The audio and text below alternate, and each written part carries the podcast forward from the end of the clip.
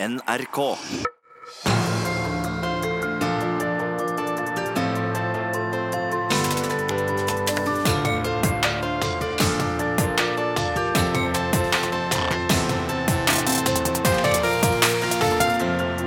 I disse dager går sosialdemokratiske parti tilbake over hele Europa, også i Norge vel en måned før lokalvalget. Men i Trondheim, Arbeiderpartiets gamle utstillingsvindauge, der er det fremdeles lys. Hva kan vi lære om norsk politikk ved å studere byens mangeårige ordfører Rita Ottervik? Ja, Velkommen til en ny utgave av Disse dager på NRK P2. Både til deg som hører på radio nå, eller podkast, og til publikum her på Antikvariatet i Trondheim.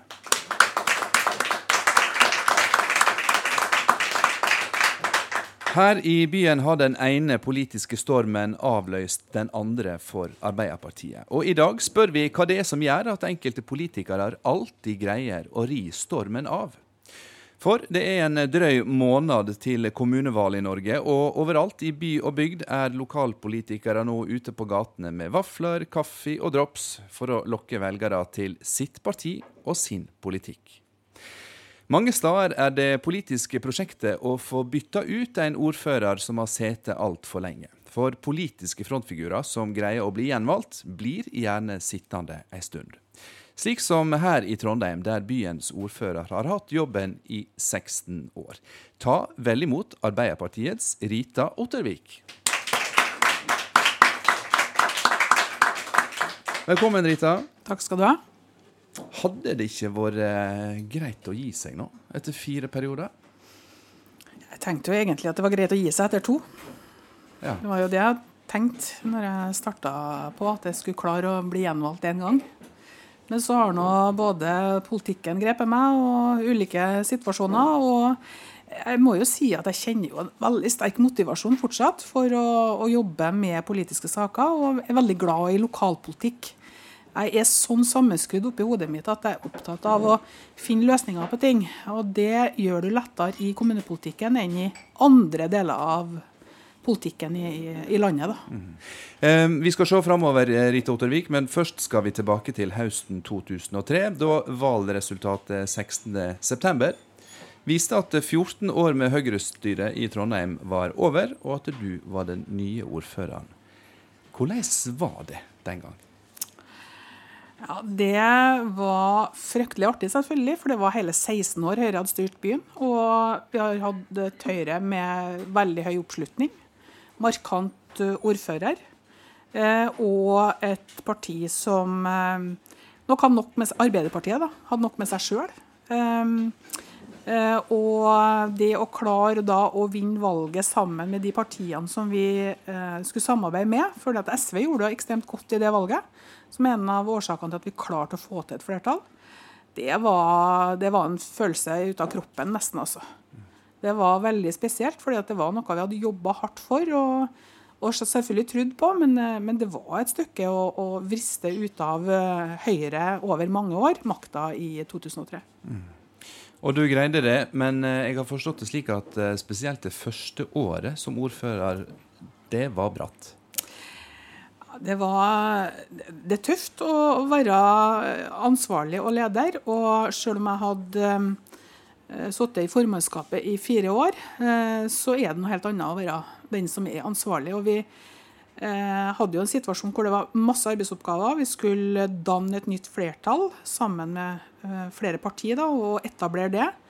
Mange arbeidsoppgaver og en driftssituasjon i kommuneøkonomien på 130 millioner skeiv. Mm. Så noen av de første oppgavene ble å på en måte kutte i budsjettene. Mm. Eh, så før jul, altså desember, når jeg var ferdig med budsjettet, da var jeg, altså når jeg kom på jobb om morgenen, så var jeg kvalm. Kvalm? Ja, da var det nummeret før jeg måtte kaste opp, altså, fordi jeg var så sliten. For da hadde jeg jobba knallhardt gjennom en valgkamp, og så rett på. Eh, og så er det noe med at når du kommer inn i en sånn jobb, det er ingen som er der og hjelper deg og løfte deg fram. Eh, du er nødt til å gjøre veldig mye av jobben sjøl. Så det var, en, det var, en, tøff og brå, brå start. Eh, men samtidig, så når jeg fikk litt juleferie på meg, så, så føltes det jo godt, for da hadde vi fått etablert gode samarbeidsordninger med de partiene vi skulle styre sammen med, og vi hadde fått på plass et budsjett for, for første driftsår. Jeg hadde nær sagt, Har du, har du vært plaga med kvalme siden den gang i ordførerjobben? Nei. Jeg har, eh, altså det er, noe av det jeg lærte av denne perioden, der var vel kanskje å begynne å porsjonere ut energien på en bedre måte. Og ikke si ja til riktig alt for å klare å, å prioritere de riktige tingene. Eh, men samtidig så tror jeg det er tøft altså, det å komme inn i en sånn, sånn rolle. Husk på ansvaret for 12 000 ansatte og et svært budsjett og mange vanskelige saker. Det er et stort ansvar. Følte du at du hadde ekstra mye å bevise? Klart det. Én eh, ting var jo at eh, vi i valgkampen av våre motstandere ble spådd at dette kom til å gå veldig dårlig. da. Så du skal bevise at dette går òg klarer å styre. Og så er det store forventninger selvfølgelig i en partiorganisasjon som har eh, kommet i posisjon etter 16 år. Da er det store forventninger til at du skal løse og gjøre mange oppgaver som ja, man vil ha forandring på. da. Ja.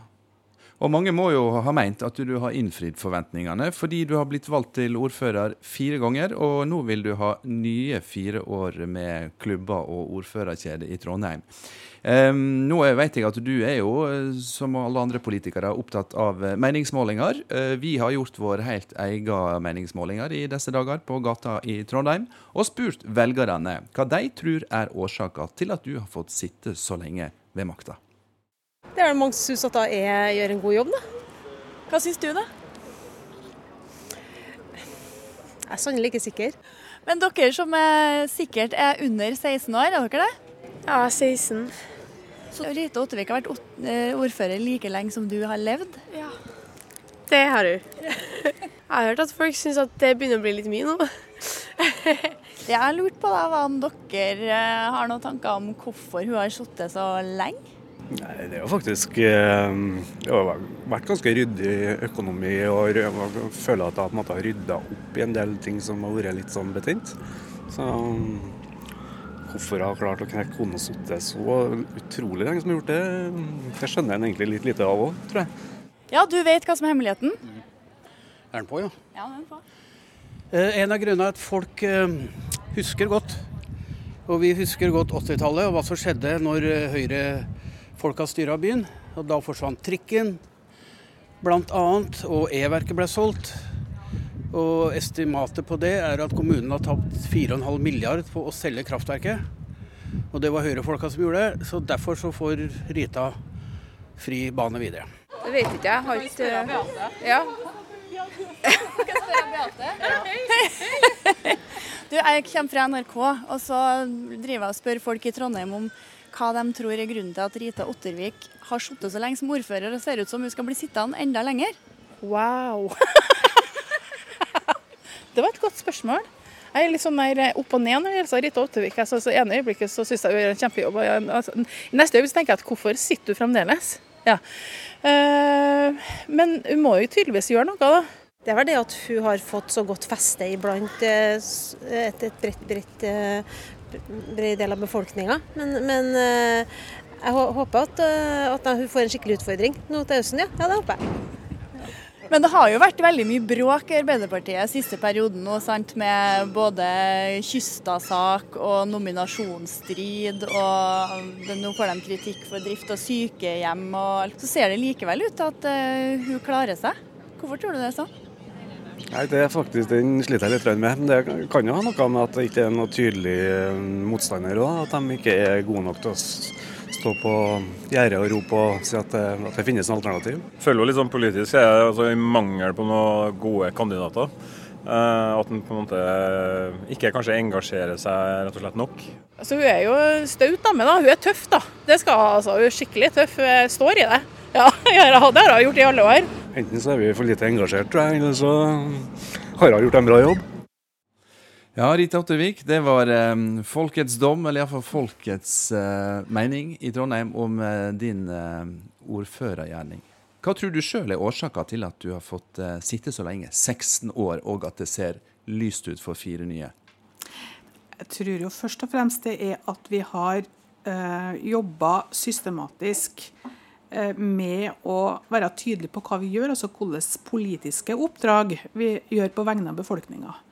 Vi har klart å kommunisere at nå kan ikke vi prioritere alt, men vi skal få til full barnehagedekning. Og så gjør vi det. Da kvitterer vi ut det.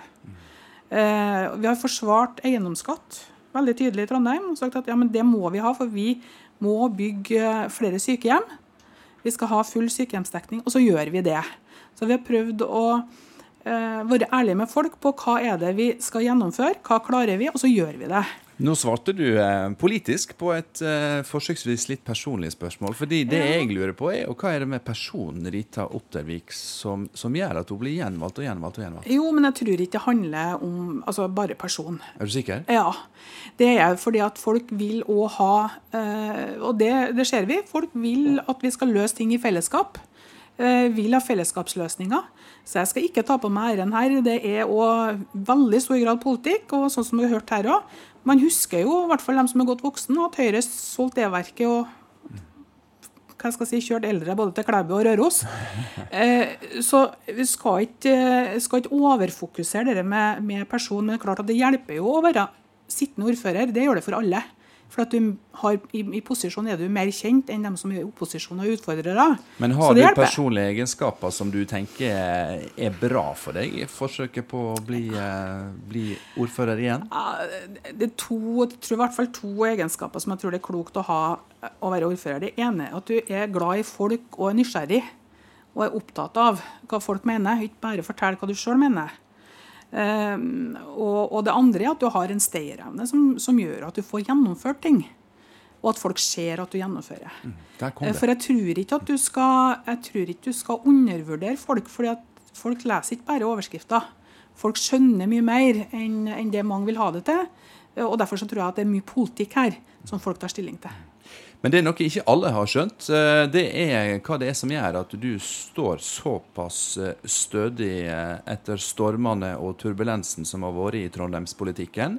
Flere fra ditt parti har enten måttet trekke seg eller blitt vraka i nominasjonsprosessen etter ei sak som fikk Økokrim til å komme til Trondheim.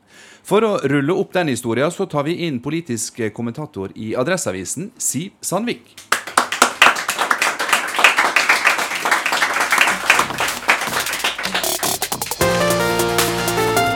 Ja, hvordan har Rita Ottervik klart å styre klar av all motgangen, spør vi nå i disse dager. For Trondheimsordføreren har en imponerende politisk karriere bak seg, og den ser ikke ut til å være over, trass i motgang og skandaler i byens politiske krinser.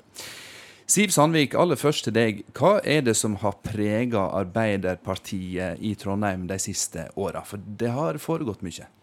Det har eh, foregått eh, mye. Det har ikke vært eh, lite å gjøre for politiske journalister i Adresseavisa.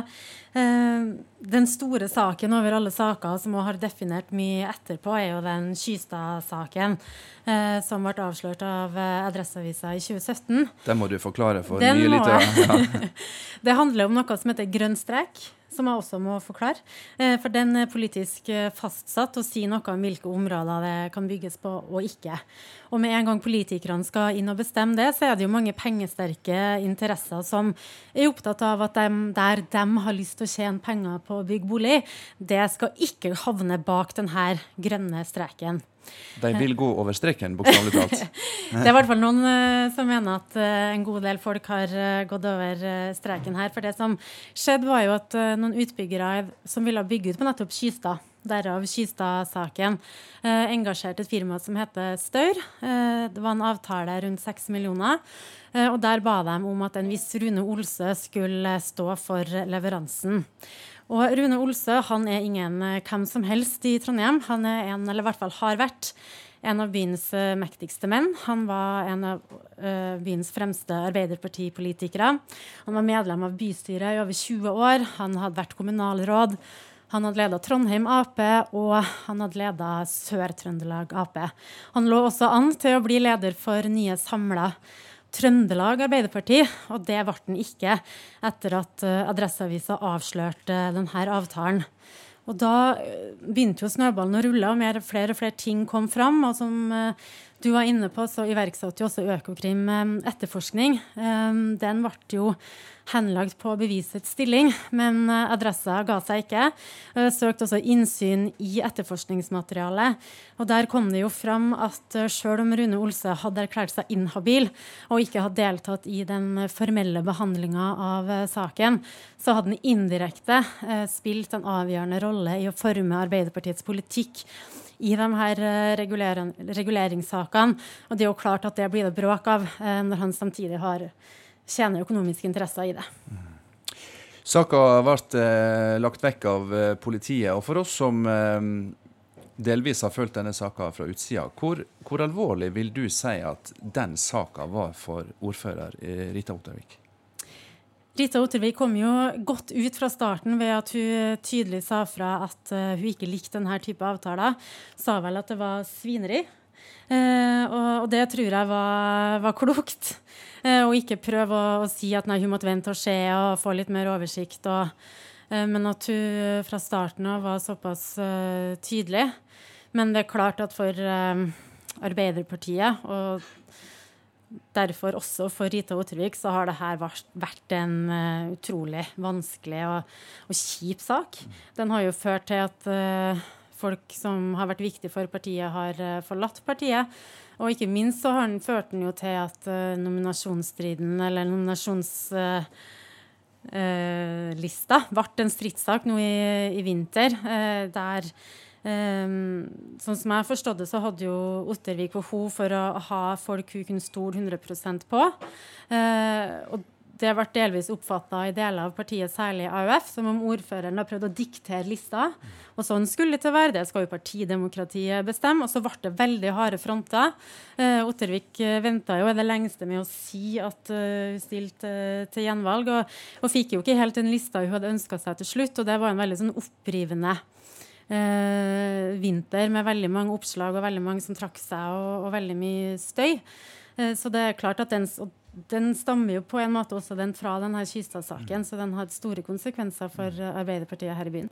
Siv Sandvik fra Adresseavisen, vi skal eh, minne lytterne på hva som er dagens tema i disse dager. Vi ser altså eh, med lupe på politikken i Trondheim og ordfører Rita Ottervik spesielt, som kan gå mot en ny periode som ordfører i byen, og dermed så har hun i så fall blitt sittende i 20 år.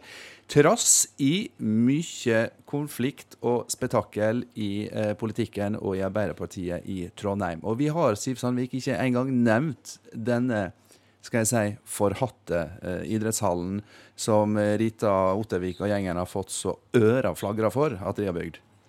Nei, det er jo en uh, svær hall uh, som ligger uh, i indrefileten i byen like ved Nidelva på Nidarø, som heter Trondheim Spektrum, og som noen mener ser ut som en forvokst Moelven-brakke, og som andre mener ikke har blitt så, så ille som man først trodde. Så den står nå der, og den kommer til å være omstridt en stund, tror jeg.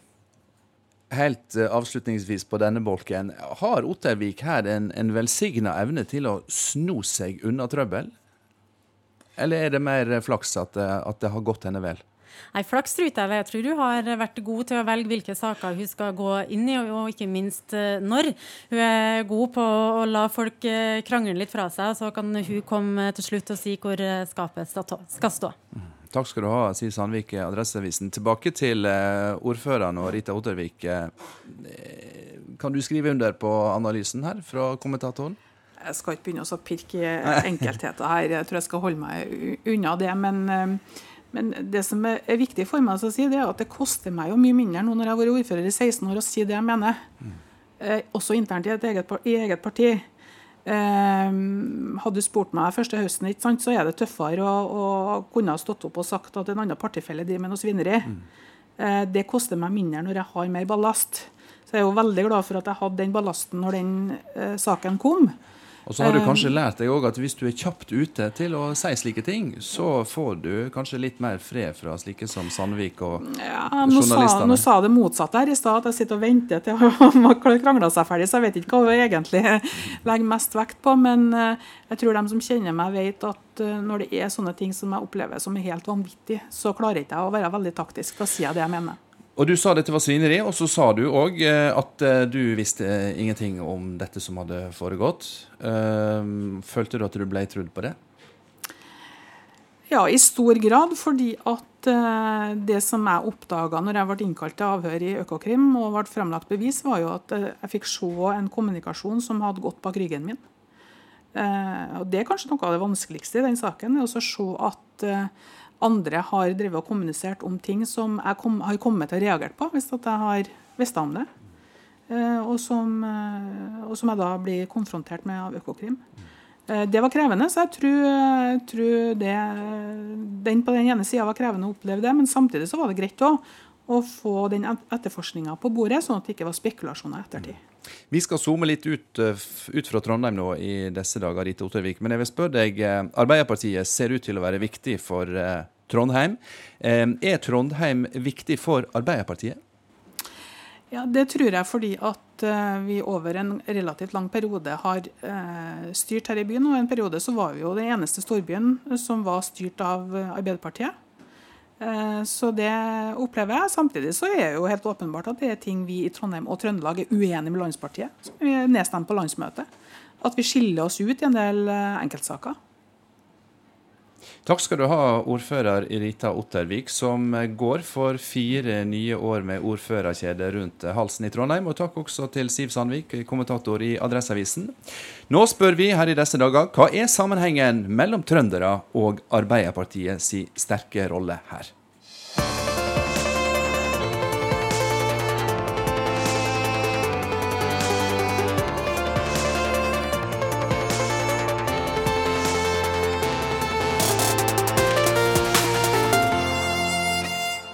Medan eh, Arbeiderpartiet stuper på meningsmålingene over hele landet, og de sosialdemokratiske partiene i flere europeiske land har eh, sett langt bedre dager, så står Trondheim altså fremdeles som en slags eh, siste bastion for sosialdemokratiet i denne delen av landet. Hva slags veiskille står sosialdemokratiet overfor i Europa, og hva er det som skjer i Trøndelag som fremdeles klarer å holde tradisjonene og politikken sin i hevd? Det vil vi spørre Anders Tordal Jensen om. Han er professor i statsvitenskap ved NTNU.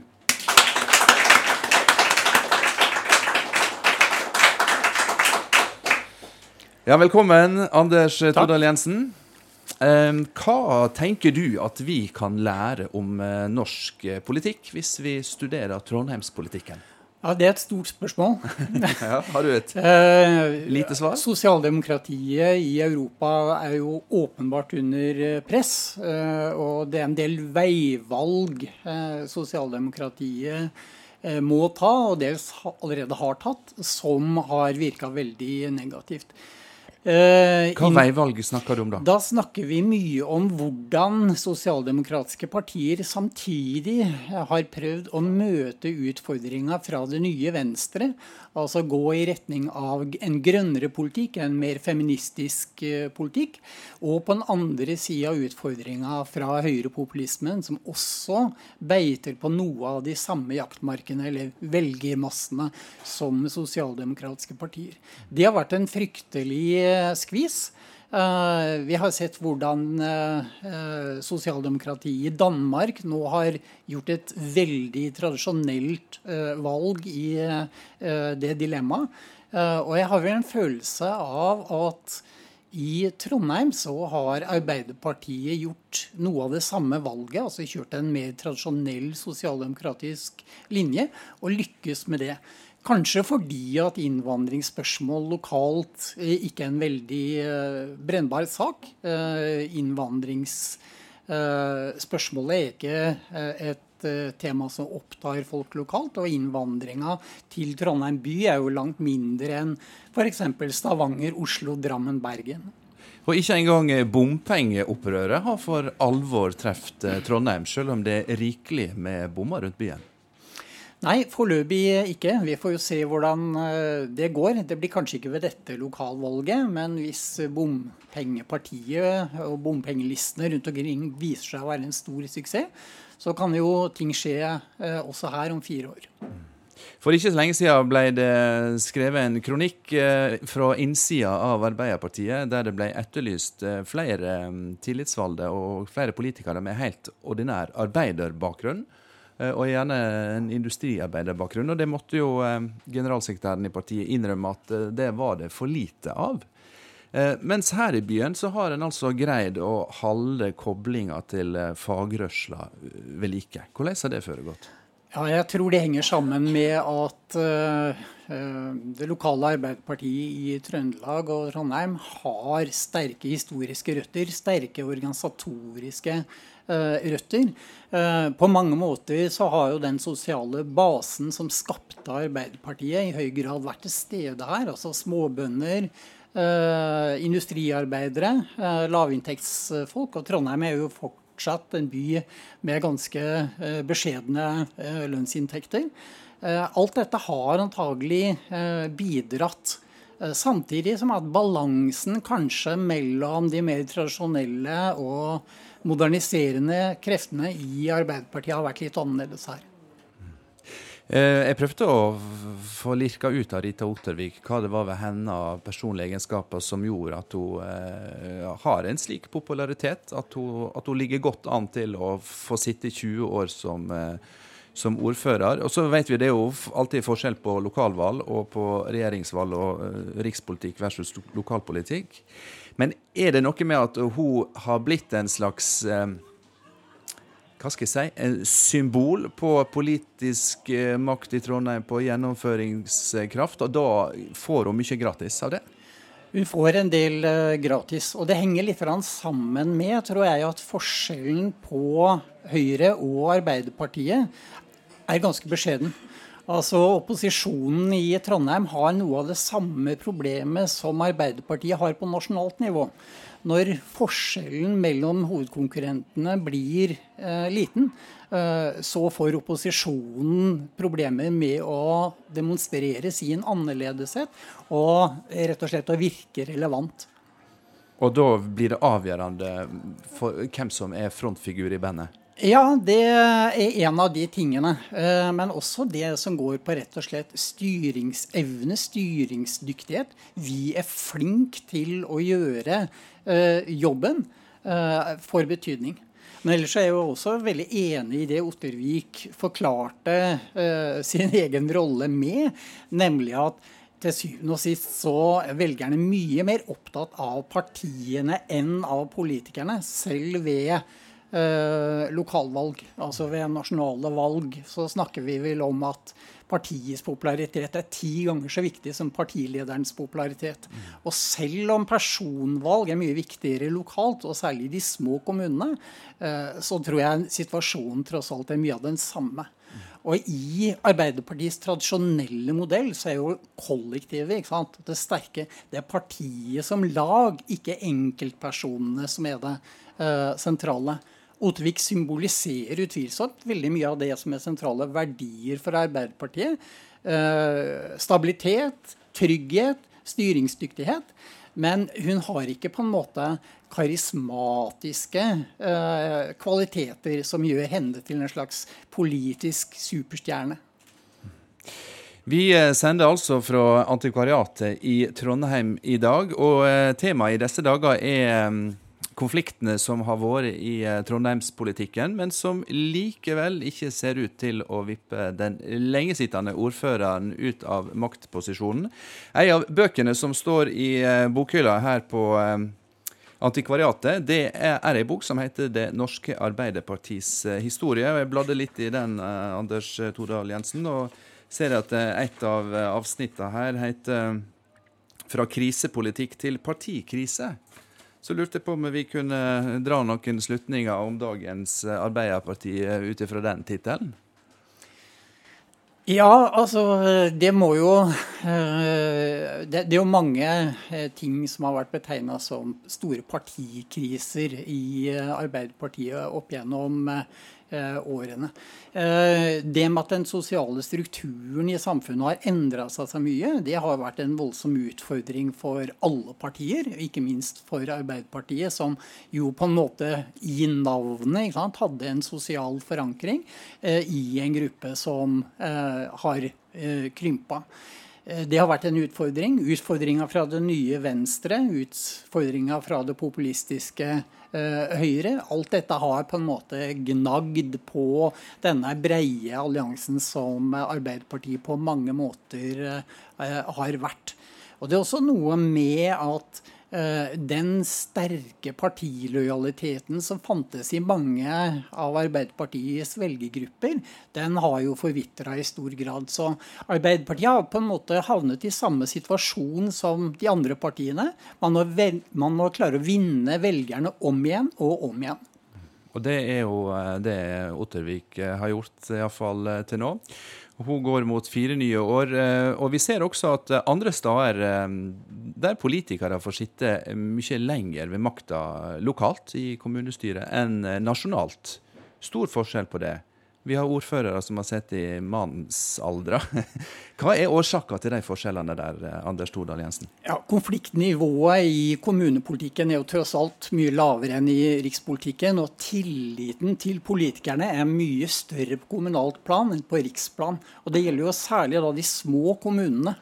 Eh, folk i de små kommunene er faktisk utrolig fornøyd med politikerne sine, også med den kommunale administrasjonen. De er fornøyd med de kommunale tjenestene i mye større grad.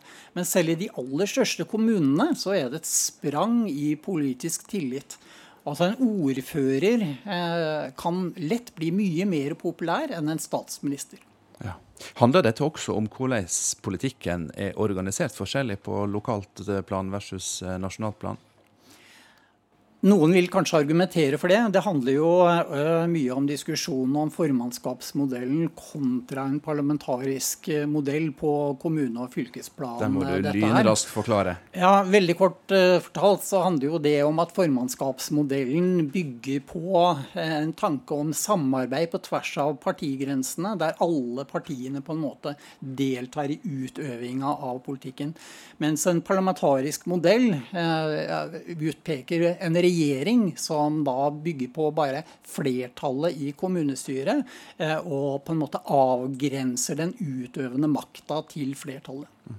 Ja, dette det er òg eh, lettere å drive langsiktig politikk og bygge stein på stein. og Kan det òg være noen av, noe av årsaka til at eh, enkelte ordførere får lov til å sitte så lenge, fordi en ser de lange linjene i politikken? Ja, igjen, Det er nok et, eh, en politisk vurdering. Eh, men eh, jeg vil nok tenke at både for den enkelte politiker og for det politiske miljøet, så vil en formannskapsmodell, i hvert fall i mellomstore og små kommuner, gi mulighet for en ordfører som sitter vesentlig lengre. Mm. Kan en i det store bildet med det du nå sier, si at Arbeiderpartiet i Trondheim har hatt litt av den samme effekten som som Høyre kan si at de har hatt uh, nasjonal, uh, nasjonalt. De har vist at de får det til, og de har bygd tillit over tid og har fått en veldig uh, markant frontfigur i Erna Solberg. Det er klart at Når de politiske motsetningene blir mindre, når ideologiene blir trengt i bakgrunnen, så blir spørsmålet om rett og slett styringskompetanse, dyktighet, få tingene unna, handlekraft når det trengs, viktigere for eh, velgerne. Så jo mer eh, de politiske partiene blir enige, jo mer kommer fokuset til å flytte seg til andre ting, som personer og som styringsdyktighet. Så da er vi jo inne på at eh, det er likskaper mellom statsministeren i Norge og ordføreren i Trondheim? Ja, i den forstand at de begge uh, har sittet uh, en god stund. At begge har uh, vist handlekraft, styringsevne. og at de antagelig trekker veksler på det når det kommer til valg. Og så har, vi begge, nei, så har vi hørt at de begge to har evnen til å komme seg gjennom politiske stormer uten for mange riper i lakken. Det kan kanskje være en annet fellestrekk? Ja, utvilsomt. Eh, men nå hører det jo også med til den historien at politiske skandaler, det er jo noe som uh, ikke på langt nær så, er så farlig for de politiske partiene som mange tenker seg. Uh, det viser seg når en studerer det nærmere, at uh, de som hisser seg opp over politikere som trår over en eller annen moralsk grense, de er først og fremst folk som aldri kunne tenkt seg å stemt på partiet til den politikeren. Eh, og Det betyr jo med andre ord da, at de som tilhører, støtter partiet til den aktuelle politikeren, eh, de tar lettere på det. De er mer villige til å unnskylde eh, det som har skjedd, se gjennom fingrene med det kanskje, eller tenke på det som et uheldig enkelttilfelle. Mm. Og Fasiten eh, for politikken eh, både i Trondheim og ellers i eh, Lokal-Norge får vi 9.9., da det er kommune- og fylkestingsvalg. Tusen takk skal du ha, Anders Tordal Jensen, professor i statsvitenskap ved NTNU i Trondheim.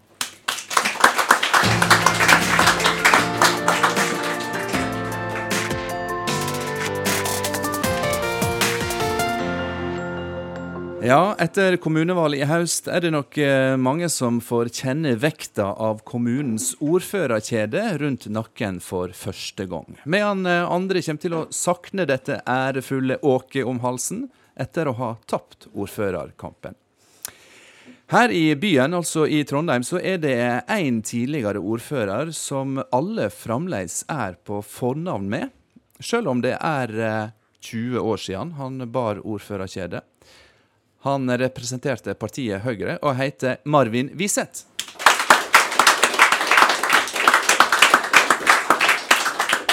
Velkommen, Marvin. Jeg får jo holde meg til fornavnet som resten av byens befolkning.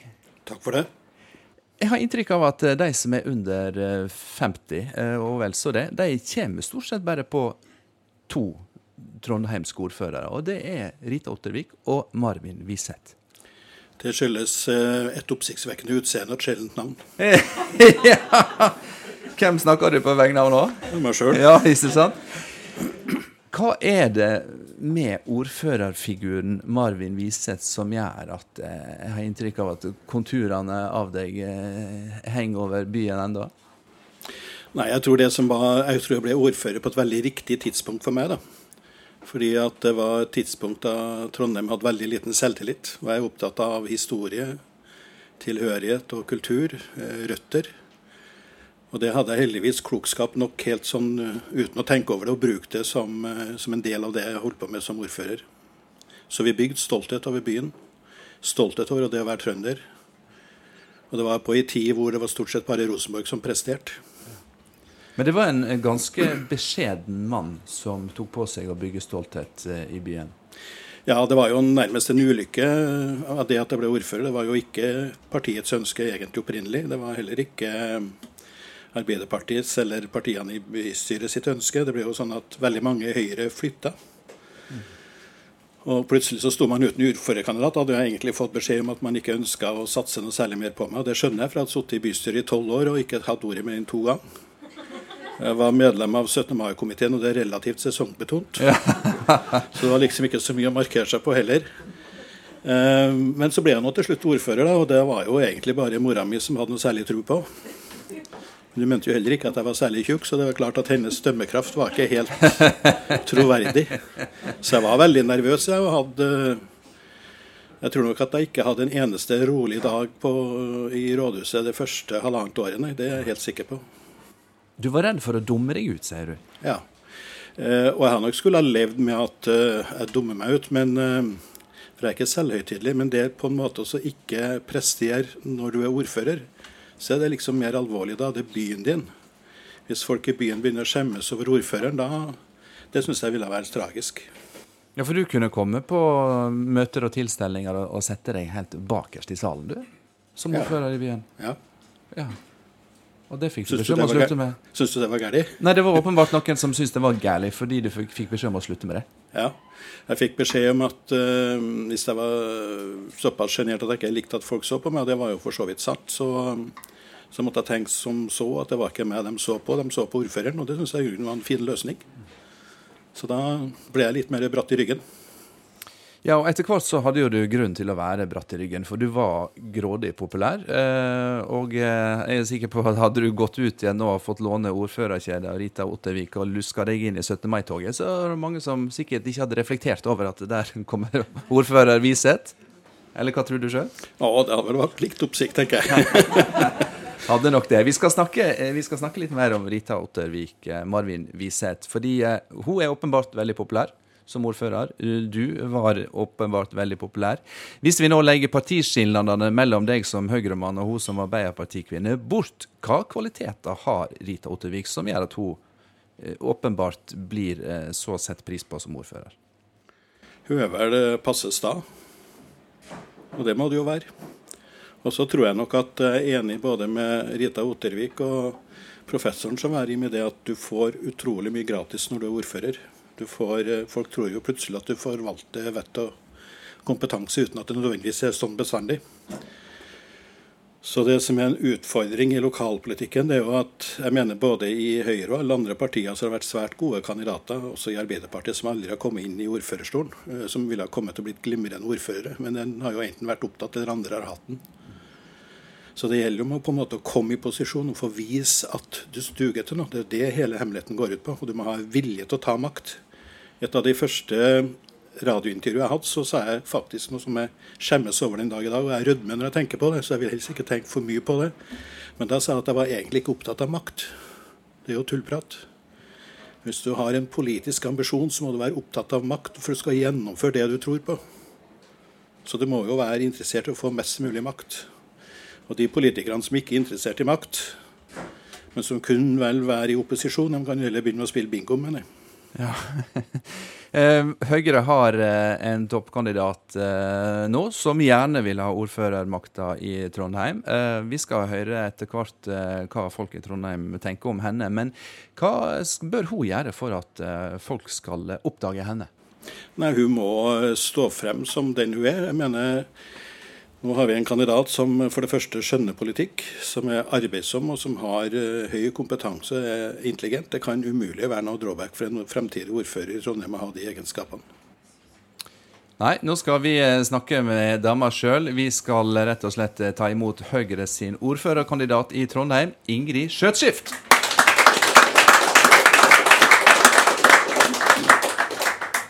Velkommen, Ingrid. Takk skal du ha.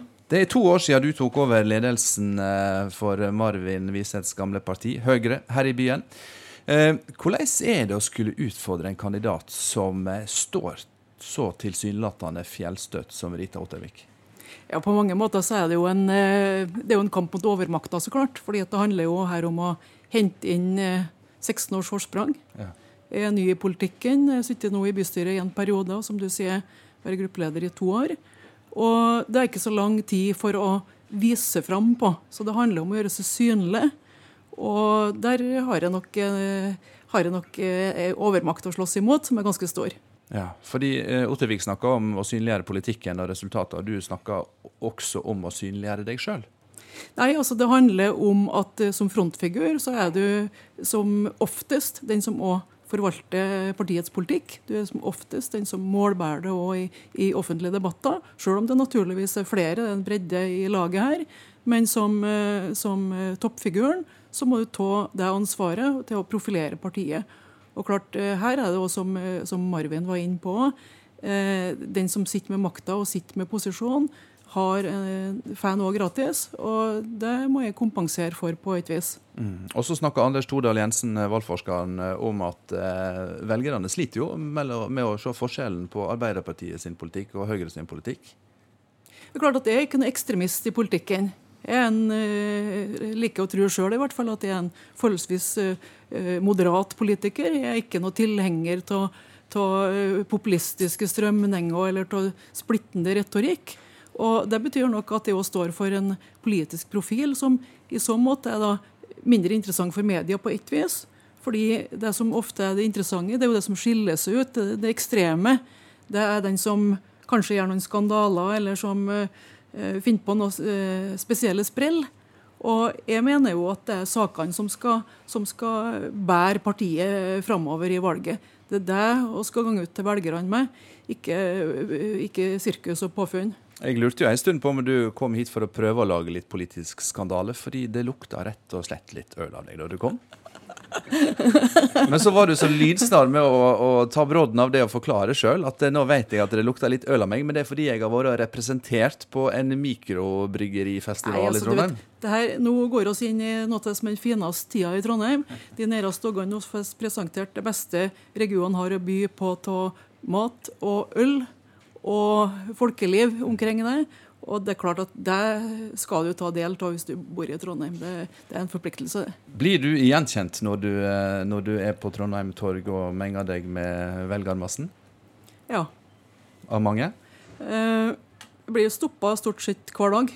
Men det er jo fordi jeg går til jobb og møter mye folk når jeg går til og fra jobb, så det blir jeg, ja. ja. Vi har nemlig vært ute på gata blant folk som kanskje kommer til å stemme på deg, kanskje ikke. Så har vi spurt deg rett og slett hvem er Ingrid Skjøtskift?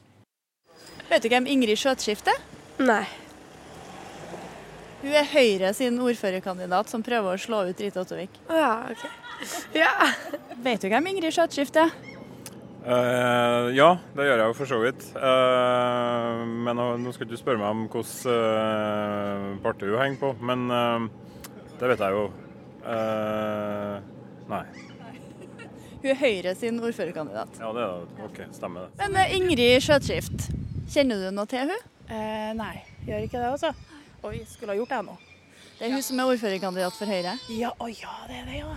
Ja, det er jo fordi at jeg ikke følger med så mye på Høyre. da. Altså, Du kan jo ut ifra aviser og radio som høre at det er på en måte kunne vært bedre på eldreomsorgen, og det er noe som er gærent på skolene, med det er ikke nok svømming og det er mye sånne ting. Men altså, i det store og det hele så tror jeg folk egentlig syns at vi har det veldig bra. Så det er små, små justeringer som skal til.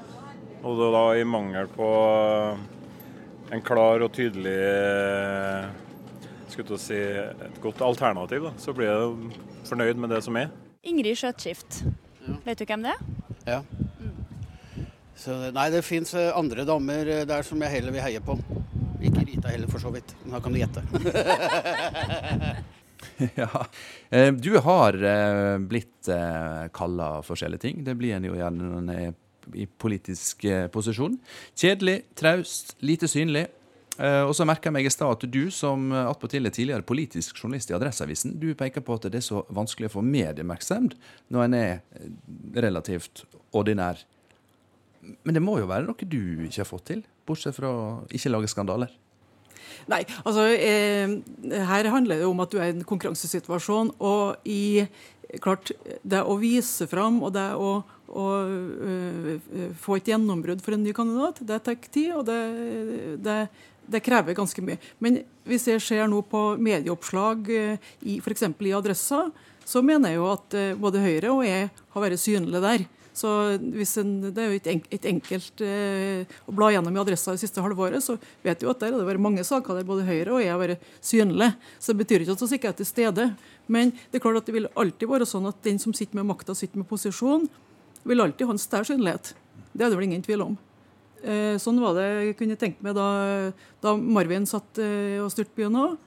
At den som sitter, eh, sitter i posisjon, har et overtak det er, det er noe i grunnen naturlig òg.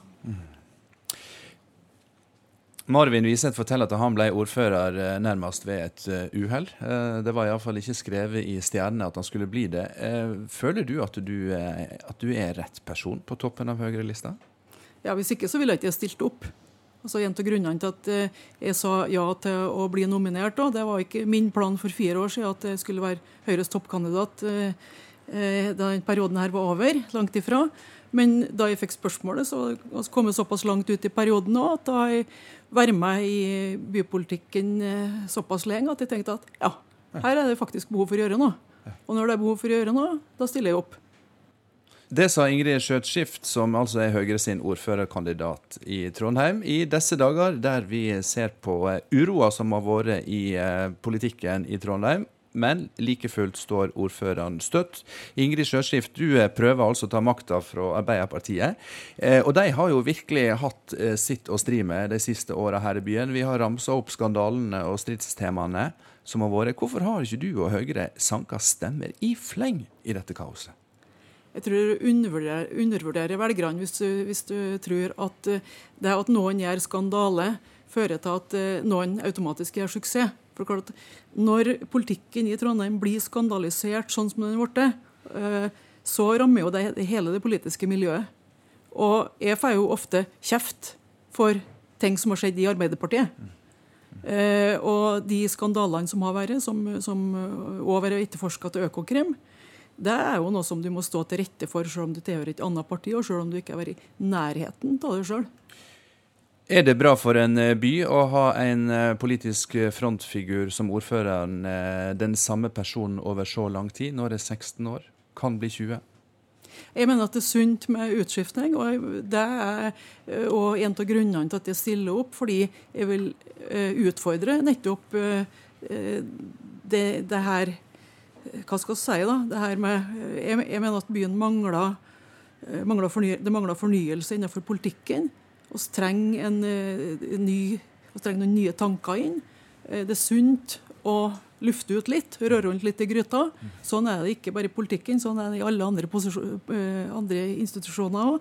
At det er i seg sjøl å sementere gjennom samme leder i år etter år etter år, det tror jeg er veldig usunt.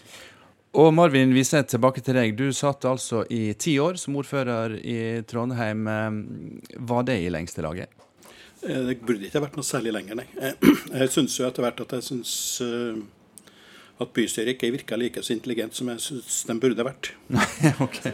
Og da er det på tide å trekke seg. Og jeg mener jo at når du har sittet veldig mange år, så blir du litt nonsjalant. Ja.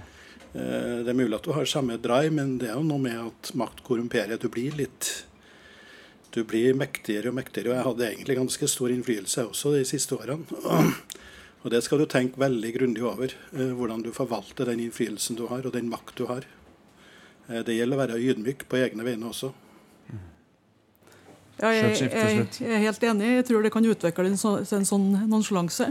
Eh, så har jeg lyst til å fortelle ta en sammenligning som blir sagt om statsråder, uten sammenligning for øvrig. Men du har sagt at når du er ny statsråd, første to, tre, fire ukene, så sier du bare 'hjelp, fiksa jeg den jobben her'.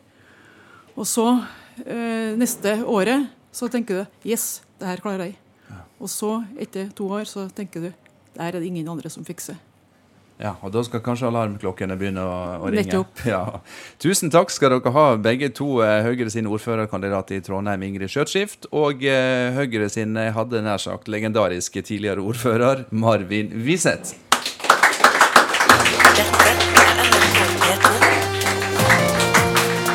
Vi skal tilbake der vi starta, og til henne som vi har snakka mye om i denne sendinga, nemlig trondheimsordføreren Rita Ottervik.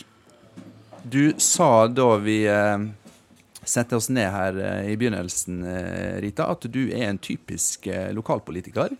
Og du trives mye bedre i lokalpolitikken enn i andre deler av politikken, altså rikspolitikken. Hvorfor har du ikke gått den veien? For vi har jo grunner til å tro at du har hatt muligheten for å få både fine kontor og fin bil med sjåfør i Oslo. Jeg er nok eh, av mennesketype forholdsvis utålmodig. Eh, og sånn sammenskrudd at jeg ønsker å forandre, og at det må skje innen rimelig tid. Eh, og i lokalpolitikken så er det for det første mye nærere folk. Du er nærere utfordringene. Og du har muligheten til å gjøre mye med ganske mange områder relativt raskt. I et system på både på fylkes- og riksnivå så er denne prosessen mye lenger. Og gleden over å se at du kan diskutere en utfordring som du har fått på bordet, finne en løsning og få gjennomført det relativt raskt, det, eh, det, er viktig for meg. Det er en motivasjon, altså det å få til ting.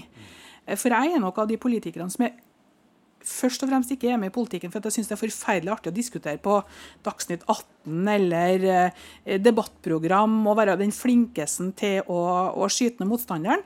Jeg er aller mest glad i å ta tak i utfordringene og finne løsninger, så at jeg ser at folk blir gjort. Ja. Og Apropos løsninger. Her i Trondheim så har du og Arbeiderpartiet f.eks. Eh, dere var først ute med å eh, lage eh, rød, et rød-grønt styre. Eh, og ble slik sett en inspirasjon og en modell for den første rød-grønne regjeringa. Og jammen santen var ikke du først ute med å inkludere KrF også. En idé som vi vet både Arbeiderpartilederen og den tidligere KrF-lederen eh, kjempa for å få til eh, for en tid tilbake. Hva tenker du at eh, rikspolitikere og regjeringspolitikere kan lære av dere som sitter i lokalpolitikken? Jeg tenker først og fremst at det å finne seg samarbeidspartnere som ønsker samme retning og være gode til å samarbeide, er det vi har jobba med. Vi har vært veldig tydelige på at vi vil ikke samarbeide med dem som vil privatisere, konkurranseutsette, dem som ikke vil bygge sterke fellesskap. Eh, vi har vært veldig tydelige på å forsvare eiendomsskatt f.eks. Eh, og, og dermed gått opp noen skiller på hvem vi ikke kan samarbeide med. Og så har vi vært åpne for å samarbeide med de andre. Eh, og Det tror jeg kanskje at rikspolitikken kan lære noe av. Jeg ser at det er andre saker, mer prinsipielle verdispørsmål som kan bli vanskeligere på nasjonalt nivå. Men det er det vi har jobba etter. og I bystyret også, så kommer Fremskrittspartiet med et veldig godt forslag. Så stemmer vi for det. På Stortinget er det utenkelig. Eh, og Det er litt sånn forskjellen på lokalpolitikk og, og nasjonal politikk som Hva er ditt politikersvar på at det er utenkelig? Det er vel fordi at du skal ikke stemme på motstanderen sine forslag, da, muligens.